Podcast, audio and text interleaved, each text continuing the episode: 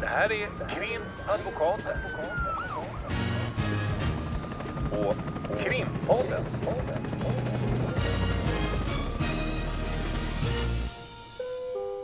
Parter och ombud kallas till sal 32. Hej Lotta! Hej Ulrika. Nu sitter vi i bilen på väg ifrån Nynäshamn där vi har tagit färjan ifrån Visby och några väldigt spännande och roliga dagar i eh, Almedalen. Det är Ja. Almedalsveckan så att vi har varit där, du och jag, tillsammans med ett gäng advokater, åklagare och domare och deltagit i ett rättegångsspel som jag tänkte att du får berätta lite om. Ja, och eh, vi var inbjudna och medbjudna av Advokatsamfundet så de var ju också med i den här delegationen. Kan vi säga delegationen? När vi Ja, det låter väldigt pretentiöst men, Ja, men det, det har jag inget problem. Vi kan Ja. vara pretentiösa. Ja, vi är pretentiösa. Ehm, och eh, för att vi har genomfört ett eh, rättegångsspel där vi eh, hade ett scenario, alltså en, eh, en rättegång med ett manus författat av, av eh, Johan Eriksson, också advokat, och eh, vår generalsekreterare Mia Edvallin Solander som vi spelade upp tillsammans med en, en eh, riktig åklagare, eh, Helene Gestrin, och en riktig rådman från eh, nuvarande Attunda tingsrätt, Mikael Svan. Och så var det du som spelade försvarsadvokat och du hade en av våra kollegor, Claes Bjurmark, som klient. Och sen hade jag Johan Eriksson som advokat. En Och jag, underbar klient. Jag, tack så mycket. Ja, du var en underbar klient och, och, och min advokatkollega var en underbar klient. Ja, Och sen eh, var det ju då än den här rådmannen som sagt och på hans sidor, bägge sidor satt det sju stycken nämndemän. Det brukar ju vara tre men nu var det sju och det är för att de representerade de olika politiska partierna. Och då kan man säga att det var både rättspolitiska talespersoner och även riksdagsledamöter, medlemmar i justitieutskottet. Och sen var det eh, Två stycken som kandiderade, kandiderade till till riksdagen. riksdagen och det var KD som hade en eh, polis som eh, kandiderade till riksdagen och, Och så var det. Liberalerna som har en eh, nu för detta åklagare som också kandiderade till riksdagen. Så det var intressant att de två var de enda, vad vi förstår, som eh, på något sätt ändå representerar delar av, av rättsväsendet. Mm.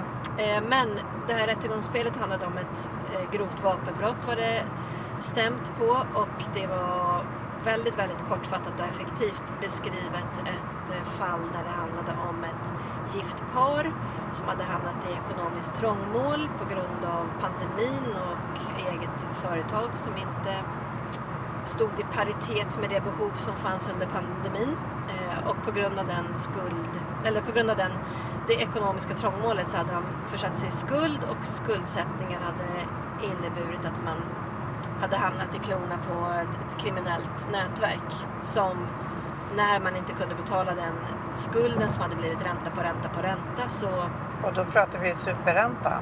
superränta såklart. Och då så hade man eh, fått en hotbild på sig som var ytterst obehaglig och eh, en, rejäl hotbild. Som riktade sig eh, emot det här eh, paret som hette, eh, vad hette de nu då? Sten och Eva Sten och Andersson Eva. skulle på något sätt då representera vanliga, det vanliga folket. Ja, och de hade två, Två barn. barn och de här barnen hade också innefattats i hotbilden. Yes. Så en väldigt, väldigt obehaglig situation som jag tror att alla, eller som var meningen att alla skulle kunna på något sätt identifiera sig med att man nästan tar till vad som helst för att skydda sin familj.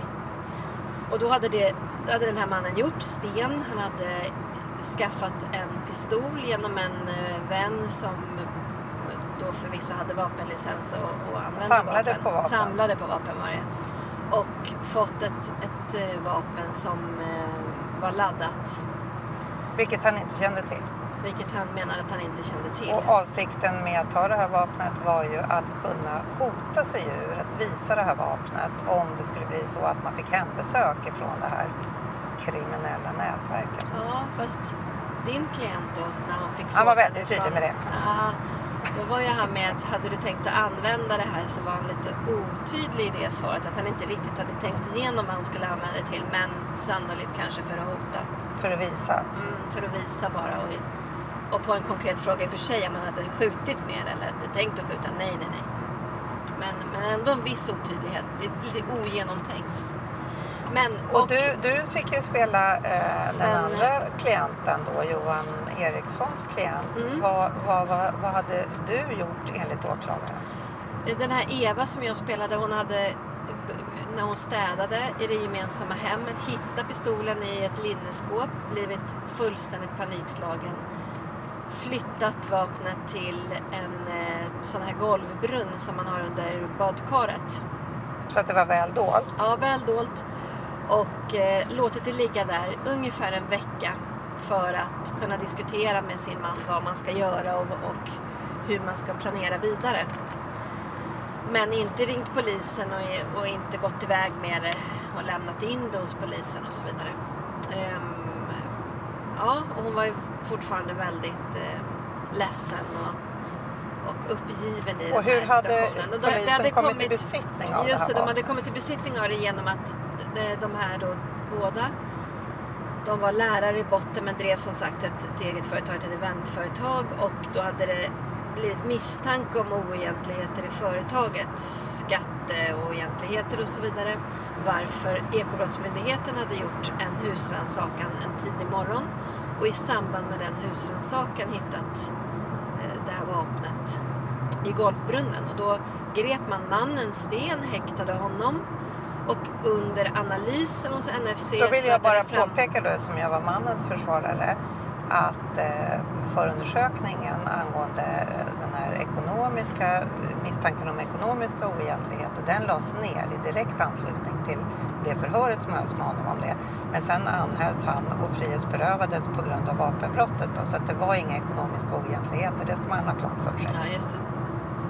Och frun blev gripen och också häktad när man i samband med den tekniska undersökningen kring vapnet hittade fingeravtryck som var hennes. Och då var det också så att de barnen då, 8 och 10 år, de blev placerade, eh, socialtjänsten placerade dem i ett familjehem. Mm. Eftersom de inte hade någon närstående som kunde ta hand om dem så blev det LVU-placering. Ja, eller, eller frivillig placering beroende på inställning. Det var, det var vi inte så inne i eh, den diskussionen. Men att barnen hade liksom omhändertagits, det var väsentligt i sammanhanget. Ehm, men, och då så genomförde vi som en vanlig rättegång ytterst effektivt. Jag, tror, jag vet inte hur lång tid vi satt där, kanske 40 minuter. Och jag måste också säga det att det var faktiskt på riktigt som en rättegång även om det inte var eh, på riktigt som en rättegång. Så kändes det som det eftersom eh, det här liksom, ramberättelsen den var ju då inte fylld med som ett riktigt manus. Att man har repliker som man måste hålla på och öva in. Det är jag komplett värdelös på. Utan vi hade precis som man har i en rättegång en gärningsbeskrivning där åklagaren påstår vad som ska ha hänt. Och sen hade vi eh, en, en eh, vad kan man säga, utsagorna eh, ganska kortfattat formulerat om vad klienterna hade för position i det hela. Så att det var, blev ju då, känslan för mig som spelade försvarare var precis som vanligt helt enkelt. Det kändes som en riktig rättegång. Mm, jag håller med om det. Men hur som helst, så vi genomförde den eh, rättegången och sen när det då skulle bli tid för dom så inleds ju det med en enskild överläggning och den blev offentlig om man ska säga i det här sammanhanget eftersom det var ju det det egentligen handlade om att de här olika politiska representanterna skulle redogöra för först sin dom och sen efter det när de hade meddelat vad de tyckte att det skulle bli En och en. domar, en och en och sen skulle det avslutas med att den riktiga rådmannen skulle säga vad han hade dömt till. Och sen skulle då eh, det bli en, en sorts diskussion kring varför de hade kommit fram till den dom de meddelade. Då kunde man konstatera att av de här eh, sju nämndemännen, de olika politiska partierna, så dömdes Sten av eh, Socialdemokraternas representant till två år och tre månader För grovt, för grovt brott. vapenbrott. Ja, just det. Jag ska säga det också att inställningen när det gällde min klient, eh, vad hette han nu då? Sten. Sten eh, var ju den att han hade ju handlat i nöd. Han var i en nödsituation. Han fruktade ju för, för både sig själv och, och även sin fru och sina barn. Så att han ville vara ansvarsfri, det vill säga att han skulle frikännas på grund av nöd. Och i andra hand, om han inte frikändes på grund av nöd så skulle i vart fall brottet som var åtalat på grovt brott bedömas som ett normalgradenbrott. Så det, det var hans inställning. Och Evas, hustruns inställning var att hon skulle frikännas helt. Mm. Och då sa du att Socialdemokraterna... Socialdemokraternas representant eh, meddelade dom genom att säga att Sten skulle dömas för grovt vapenbrott, två år och tre månader.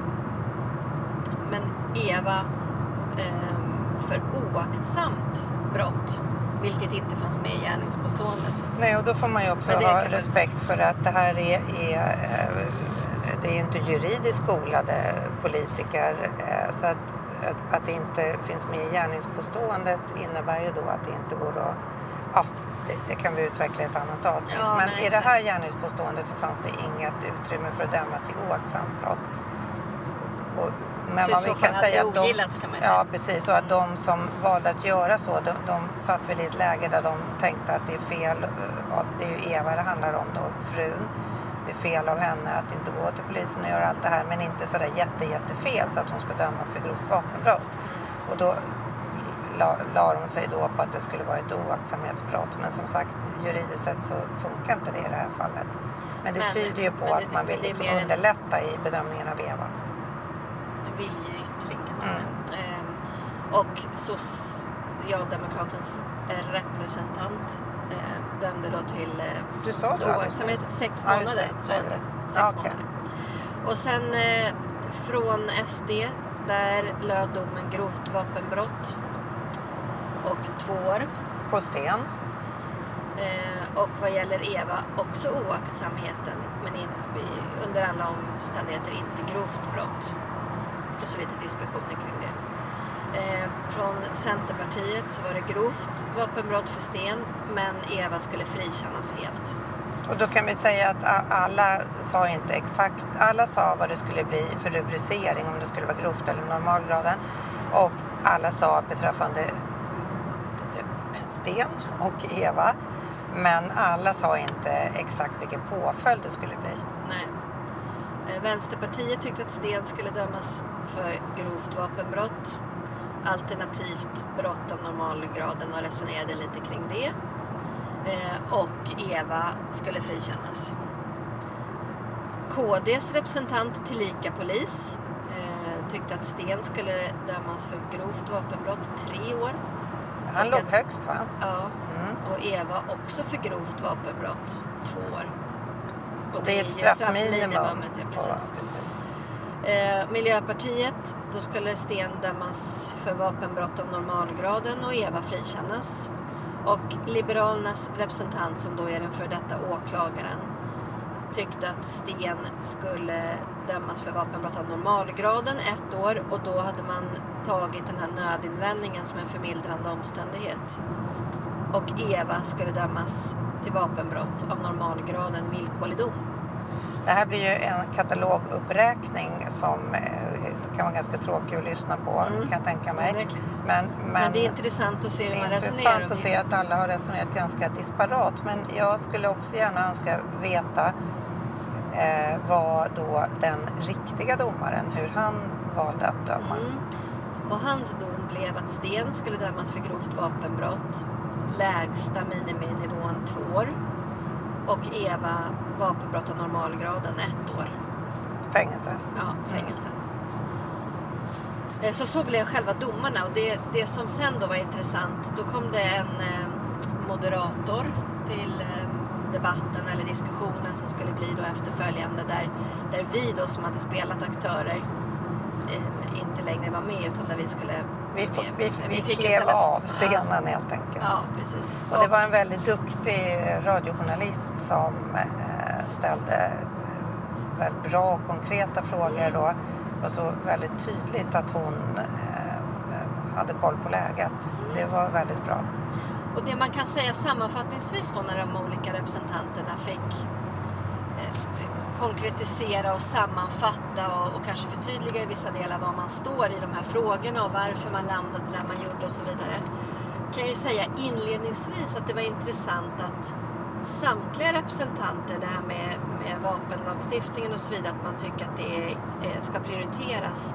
Att det är ett problem med eh, vapentillgången och vapeninförseln och att det, det finns ett, ett uttryckligt behov av att man då, nu har man ju gått igenom en straffskärpning och det upplevde jag inte att det var någon egentligen som var emot utan tyckte att det var bra att man hade vidtagit de åtgärderna, att man måste liksom agera i den situation vi är och då är det ju underförstått och från vissa håll då uttalat att det är de här gängskjutningarna och så vidare.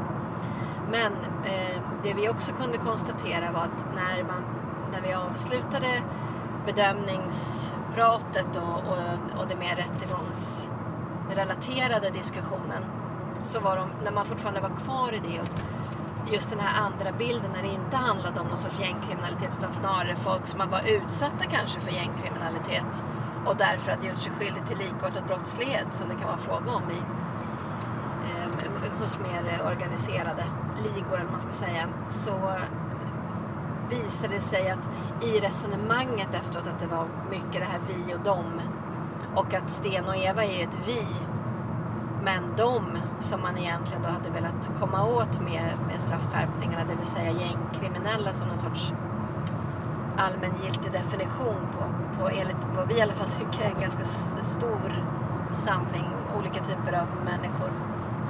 Eh, det var väl de man vill komma åt så att säga. Och det, Och det blev, det ju- blev det var ju ganska det- tydligt. Ja, och då var det ju också så att just när de som säger var liksom lite påverkade av vad som hade hänt. Man tyckte ju synd om både Sten och Eva.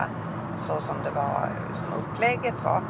Så var det ju att man, de allra flesta sa att man skulle se över, man ansåg att man skulle se över vapenlagstiftningen. Och det, det låg ju mellan raderna, även på raderna, att eh, det drabbar ju väldigt hårt i vissa sammanhang. Ja, och det inte var meningen Det känns i, inte helt alltså, det har inte bekvämt. varit liksom syftet i, i straffskärpningen och, och i den lagstiftning som har utarbetats. Så att ifrån vissa håll att det mer nästan uttalades att det skulle vara en sorts differentiering, att det, det är tydligt var, vart hän man vill med, med straffskärpningen. Det vill säga att det, istället för att döma lika så kanske man inte ska man kanske ska ta hänsyn till om man är hel och ren och, och lever eh, lik, på ett sätt som man själv kan solidarisera sig med och känna igen. Det skulle vara liksom lightare bestämmelser då. Det sades ju inte rakt ut men, men det var väl så som vi uppfattade det. Ja. Men sen var det ju så att eh, efter det här så kunde de ju då diska av sig känslan av att det här var väl kanske lite, kanske inte obehagligt, det är lite för starkt ord, men att man kände att det var lite synd om de här människorna, att det, var, det känns lite kämpigt att behöva döma dem så hårt.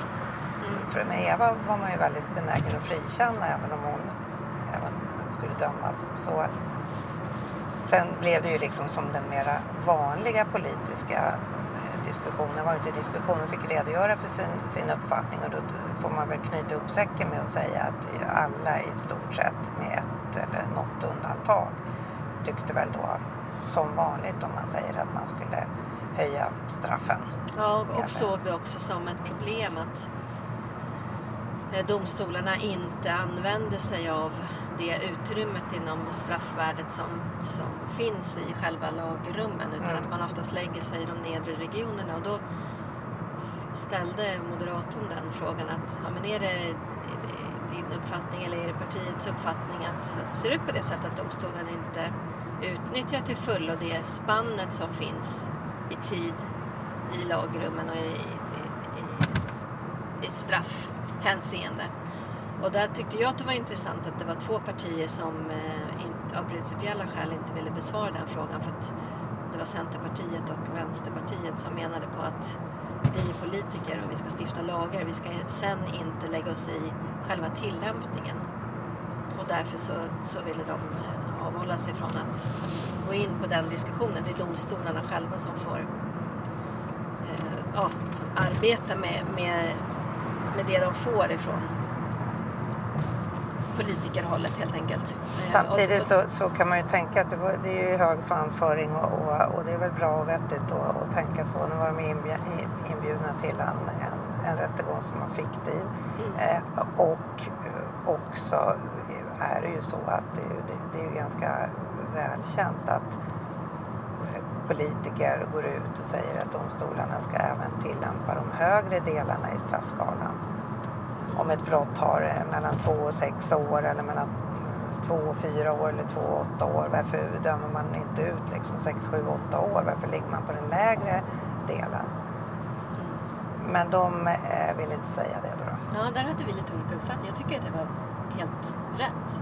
Ja, Jag tycker men, att man ska men jag vara tänker tydligare. att... Jag tycker i dessa tider att man ska vara mer... Ja, jag bara tänker att vi, vi, vi har ju ändå liksom. facit. Och så jag tänker. Ja.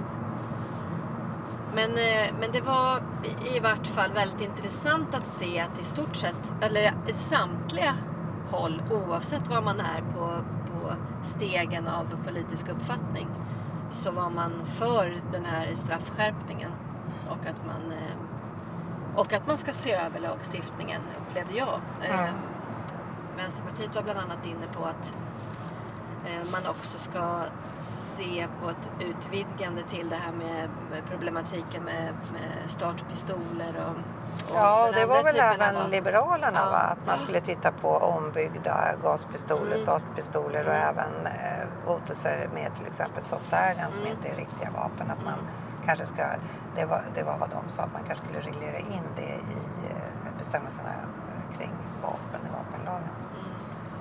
Men på det hela taget så kan man ju säga så här sammanfattningsvis att eh, det inte ovanliga scenariot att Eva som är kvinna, det har vi tagit upp i andra avsnitt, blir mildare bedömd. Och väldigt, väldigt... Eh, hon framfördes ju också som oerhört ledsen och du menar att din rollprestation när du grät och, Mm. och, och, och satt och snyftade, det var ju väldigt det övertygande. var övertygande. och eh, det, det finns ju någonting som vi brukar kalla för den rosa lagboken. Så att det, och, det, och det var vi, så vi, vi sa det efter att vi skulle byta plats på dem egentligen. och Mm. gjort Eva till den som var Sten då, Mm. som gick till sin vän och fick det här vapnet och så gjorde vi Sten till han som la det i, i golvbrunnen i badrummet. Mm. Det hade varit, Det hade varit spännande. Det får vi göra nästa gång. Ja, men det var väldigt eh, intressant. Eh, det, vi var även med i, du var även med i en annan debatt som handlade om anonyma vittnen som vi ska prata om vid ett annat tillfälle. Ja, det var idag eh, och det var, den var anordnad av Dagens Industri.